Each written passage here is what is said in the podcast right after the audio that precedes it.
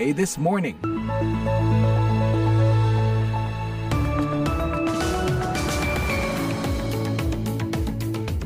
Selamat pagi, VOA This Morning kembali menyapa Anda pagi ini dari Studio 17 VOA di Washington DC bersama saya Rifan Dwi Astono, produser Bani Rahayu dan teknisi Robert Bass. Hari ini sebagian umat muslim sudah merayakan Idul Fitri, termasuk yang ada di Arab Saudi, di Uni Emirat Arab, Qatar, Yordania, dan juga sebagian di Indonesia tentunya. Nah, kami ingin mengucapkan selamat Idul Fitri bagi Anda yang merayakannya pada hari ini. Semoga kita menjadi pribadi yang jauh lebih baik ya pada hari raya ini. Dan bagi Anda yang akan merayakannya besok, selamat menjalani hari terakhir Ramadan. Pagi ini, seperti biasa, redaksi VOA sudah menyiapkan serangkaian berita hangat dalam VOA This Morning edisi Jumat 21 April. Prancis berusaha mengatasi kegagalan diplomatik setelah Presiden Emmanuel Macron mengatakan Eropa harus mengurangi ketergantungannya pada Amerika Serikat. Prancis mendukung kebijakan satu China dan penyelesaian situasi secara damai. Terlebih lagi, ini adalah sikap Eropa dan ini adalah sikap yang sejauh ini selalu sesuai dengan peran sekutu. Organisasi Muslim di California, di mana seorang diaspora Indonesia tergabung di dalamnya, mengelola rumah singgah bagi perempuan Muslim korban KDRT di Amerika.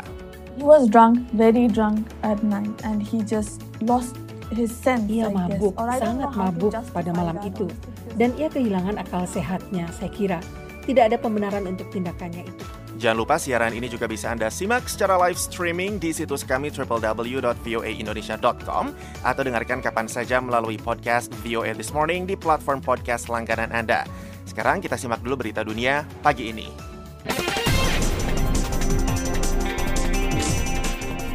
Inilah berita dunia VOA Washington. Sekretaris Jenderal PBB Antonio Guterres pada hari Kamis mengimbau gencatan senjata selama tiga hari di Sudan untuk memperingati Idul Fitri dan untuk memungkinkan warga sipil yang terperangkap di zona konflik untuk melarikan diri dan mendapat perawatan medis, makanan, dan pasokan penting lainnya. We are living a very important moment in the Muslim calendar. I think this is the right moment for a ceasefire to hold. And this ceasefire is absolutely crucial at the present moment. Kita sedang berada dalam momen yang sangat penting dalam kalender umat Islam. Saya kira ini momen yang tepat untuk mengadakan gencatan senjata. Gencatan senjata ini mutlak krusial pada saat ini, kata Guterres kepada wartawan usai bertemu secara virtual dengan para pimpinan Uni Afrika, Liga Arab dan Blok Kawasan Afrika, Intergovernmental Authority of Development, dan organisasi terkait lainnya. Senada dengan PBB Departemen Luar Negeri Amerika pada hari Kamis juga mendesak pihak-pihak di Sudan untuk memperpanjang gencatan senjata hingga akhir perayaan Idul Fitri. Pakar politik dan pengguna media sosial Iran mengkritik pemimpin tertinggi negara itu, Ayatollah Ali Khamenei, setelah pada pekan ini ia menolak menggelar referendum terhadap kebijakan-kebijakan negara. Referendum itu banyak didukung oleh masyarakat. Iran menghadapi gelombang unjuk rasa anti pemerintah besar-besaran tahun lalu sehingga mendorong mantan Presiden Hassan Rouhani untuk menyarankan digelarnya referendum terhadap kebijakan dalam dan luar negeri Iran. Pemimpin tertinggi Iran lantas menolak gagasan tersebut. Ia juga menjelaskan bahwa ia menolaknya karena tidak semua orang memiliki wewenang untuk menganalisis masalah yang diajukan dalam referendum. Shebani Rad, juru bicara sementara Partai Baru Iran yang bermukim di Prancis, menekankan bahwa rezim yang bangkit dari filosofi merah dan hitam itu tidak bisa diubah ataupun berubah, tapi ia bisa digulingkan. The voice of America, VOA. Pengadilan di India pada hari Kamis membebaskan 69 orang Hindu, termasuk seorang mantan menteri dari partai berkuasa Bharatiya Janata Party atau BJP dalam kasus pembunuhan 11 warga muslim saat terjadi kerusuhan antar kelompok di Gujarat tahun 2002. Pembunuhan itu terjadi di kota Ahmedabad pada 28 Februari 2002, sehari setelah segerombolan warga muslim diduga membakar sebuah kereta yang mengangkut peziarah Hindu, memicu salah satu pertikaian agama berdarah terburuk di India.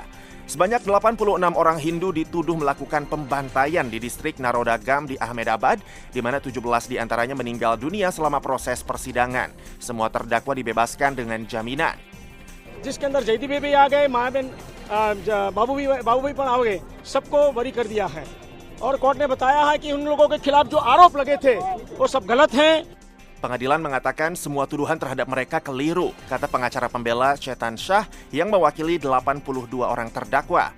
Syamshad Patan yang mewakili para korban mengaku akan mengajukan banding terhadap keputusan pengadilan tersebut. Sedikitnya seribu orang, sebagian besar di antaranya muslim, tewas di seantero Gujarat dalam kerusuhan tahun 2002. Aktivis mencatat jumlah korban yang dua kali lipat lebih banyak. Kita kembali ke Amerika Serikat. Roket raksasa baru SpaceX diluncurkan hari Kamis dalam uji penerbangan pertamanya, namun meledak beberapa menit kemudian setelah meluncur dari landasan dan jatuh ke Teluk Meksiko. Perusahaan Elon Musk itu bertujuan untuk mengirim roket Starship setinggi hampir 120 meter itu dalam perjalanan mengelilingi bumi dari ujung selatan Texas di dekat perbatasan Meksiko. Roket itu tidak berawak dan tidak membawa satelit. Pendorong roket itu seharusnya lepas dari badan roket beberapa menit setelah lepas landas, akan tetapi hal itu tidak terjadi. Roket kemudian mulai jatuh dan meledak 4 menit sejak diluncurkan dan berakhir jatuh ke selat. Perusahaan itu berencana menggunakan Starship untuk membawa manusia dan kargo ke bulan dan pada akhirnya ke planet Mars. NASA memesan roket Starship buatan SpaceX itu untuk misi membawa manusia kembali ke bulan yang berikutnya.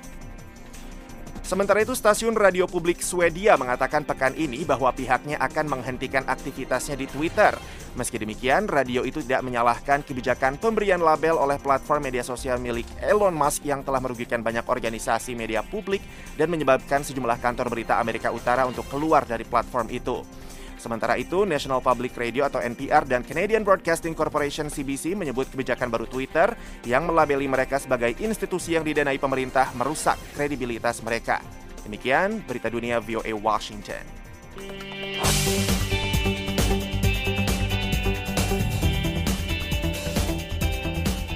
VOA This Morning, Prancis berusaha mengatasi kegagalan diplomatik setelah Presiden Emmanuel Macron mengatakan Eropa harus mengurangi ketergantungannya pada Amerika Serikat dan menghindari terjebak dalam krisis yang tidak melibatkan mereka. Itu dikatakannya setelah lawatan kenegaraan ke Tiongkok awal bulan ini. Presiden Prancis Emmanuel Macron melawat ke Beijing untuk mendapatkan bantuan Tiongkok guna mengakhiri invasi Rusia ke Ukraina. Upaya itu tidak terwujud tetapi kemudian Macron mencuit di Twitter, hidup persahabatan antara Tiongkok dan Prancis. Tiongkok menggambarkan kunjungan itu sebagai sukses dan bermanfaat. Beberapa hari kemudian, militer Tiongkok melakukan latihan tembak dengan peluru tajam mengelilingi Taiwan yang diklaim Beijing sebagai bagian dari wilayahnya. Sekembalinya ke Prancis, Macron mengatakan Eropa harus merumuskan kebijakan sendiri terhadap China daripada mengekor sekutu transatlantiknya Amerika Serikat. La France soutient la politique d'une seule Chine. Prancis mendukung kebijakan satu China dan penyelesaian situasi secara damai. Terlebih lagi, ini adalah sikap Eropa dan ini adalah sikap yang sejauh ini selalu sesuai dengan peran sekutu. Namun, justru di sinilah saya menekankan pentingnya otonomi strategis. Menjadi sekutu bukan berarti menjadi pengikut yang patuh. Komentar Macron itu memicu reaksi, terutama di Eropa Timur. Menteri Luar Negeri Ceko menanggapi dengan mengatakan hubungan transatlantik yang kuat adalah dasar keamanan Eropa. Mantan Duta Besar Prancis untuk AS, Gerald Araud, yang kini duduk di Dewan Atlantik, menilai pernyataan Macron tidak bijak. Kita sekarang sedang berjuang. Kita semua bersama-sama di belakang Amerika melawan agresi Rusia di Ukraina. Dan saya mengerti bahwa bagi banyak mitra kami, ini bukanlah waktu yang tepat untuk mengangkat masalah sekutu transatlantik. Para pengecam mengatakan komentar Macron berisiko merusak persekutuan. Liana Fix dari Dewan Hubungan Luar Negeri mengatakan, itu menegaskan pemikiran Tiongkok bahwa mungkin bisa mendorong perpecahan antara Amerika dan Eropa, katanya. Setelah badai diplomatik itu, delegasi dari Parlemen Prancis mengunjungi Taiwan pekan lalu untuk meyakinkan mereka akan dukungan Prancis. Pemilu AS tahun 2024 mungkin akan memilih presiden yang kurang tertarik untuk membela Eropa dibandingkan Joe Biden. Puspita Sariwati, VOA, Washington.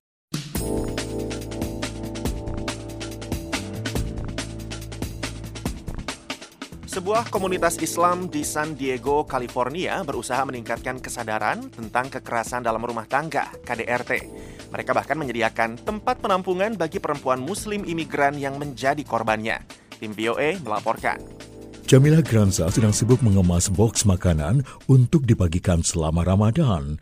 Perempuan Muslim asal Indonesia ini adalah anggota ISNA, Islamic Circle of North America, sebuah organisasi akar rumput Muslim di kawasan Amerika Utara. We'll make sure that everybody has the same amount of blessing during Ramadan and we can focus on prayers. So we don't focus Kami berusaha memastikan bahwa setiap orang mendapatkan berkah yang sama selama Ramadan. Jadi kita bisa fokus pada doa dan bukan pada apa yang akan kita berikan kepada keluarga untuk berbuka setelah seharian berpuasa. Menyiapkan iftar adalah bagian dari kegiatan Ramadan di Masjidil Taqwa, San Diego. Namun Jamila juga menjalankan misi lain yakni membangkitkan kesadaran akan pentingnya mengatasi KDRT. Di masjid itu Jamila dan sejumlah pemuka muslim menyediakan tempat perlindungan bagi perempuan imigran korban KDRT yang biasa disebut rumah singgah. Jamila adalah pengelola rumah singgah itu. The stigma that we bring from our hometown is still attached so much so in our daily life. So so Stigma that yang kita bawa dari kampung halaman masih begitu melekat dalam kehidupan sehari-hari. Sehingga kita biasanya tidak berbicara tentang kekerasan dalam rumah tangga yang kita alami sendiri. Karena di rumah itu dianggap normal. Kita tidak banyak tahu apa yang menjadi hak kita di negara ini. Sabrina adalah salah seorang korban KDRT yang ditampung di rumah singgah Jamila. Ia mengaku datang ke California dari Bangladesh pada tahun 2021 dengan visa yang didapat suami barunya sebagai analis data. Sabrina mengatakan suaminya mengambil paspornya, tidak mengizinkannya memiliki ponsel, dan secara teratur mengurungnya di dalam rumah. Ia hamil sewaktu suaminya melakukan kekerasan. He was drunk, very drunk at night, and he just lost his sense. Ia mabuk, sangat mabuk pada malam that, itu. Dan ia kehilangan akal sehatnya, saya kira. Tidak ada pembenaran untuk tindakannya itu. Ia memukuli saya di rumah, meninju perut saya. Saat itulah saya merasa tidak kuat lagi. Saya sebetulnya menelpon ambulans bukan polisi, tapi mereka datang bersama polisi dan ia ditangkap. Sabrina melahirkan seorang putri pada bulan Maret, Samara, yang dalam bahasa Arab berarti dilindungi oleh Tuhan.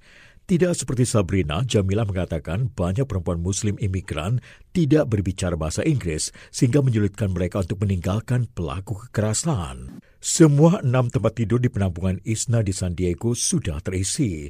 Jamila mengatakan rumah singgah itu berusaha membantu perempuan imigran korban KDRT menjadi mandiri di negara baru mereka. Arif Budiman, VA Washington.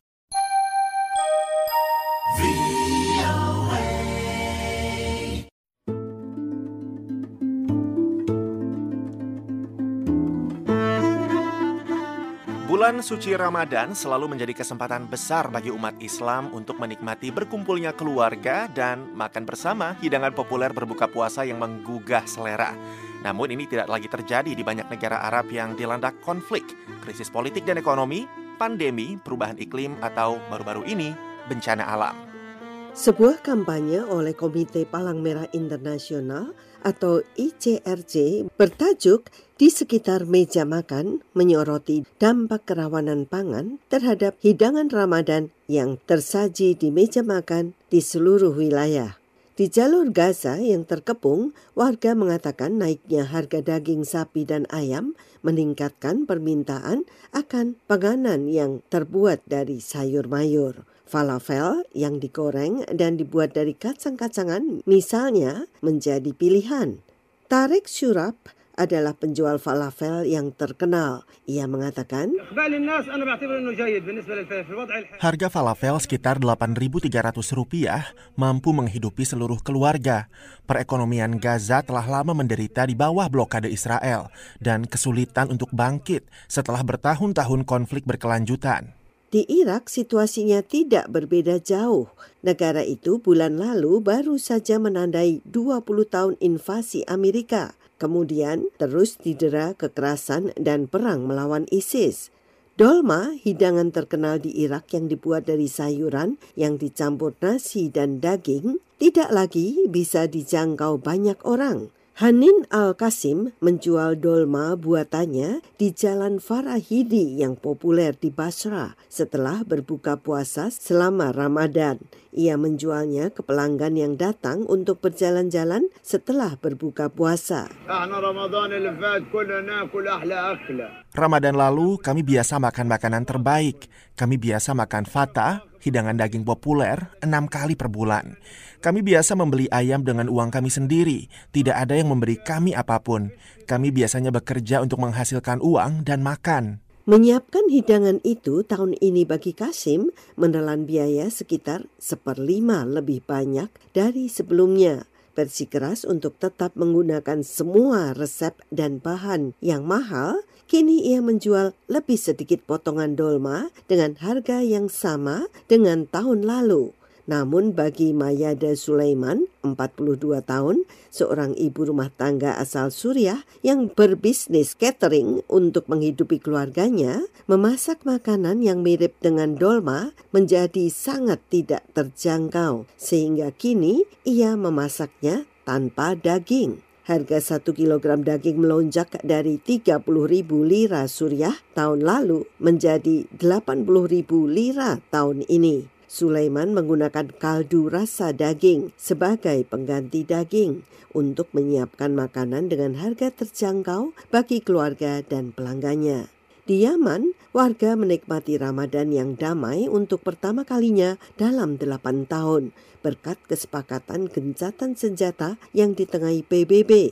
Gencatan senjata itu berakhir pada Oktober lalu namun soal makanan, negara itu masih kekurangan bahan pokok makanan setelah bertahun-tahun konflik dan blokade. Mayoritas penduduk Yaman hanya makan satu kali sehari, kata juru bicara ICRC wilayah itu, Imene Trabelsi. Puspita Sariwati, VOA, Washington.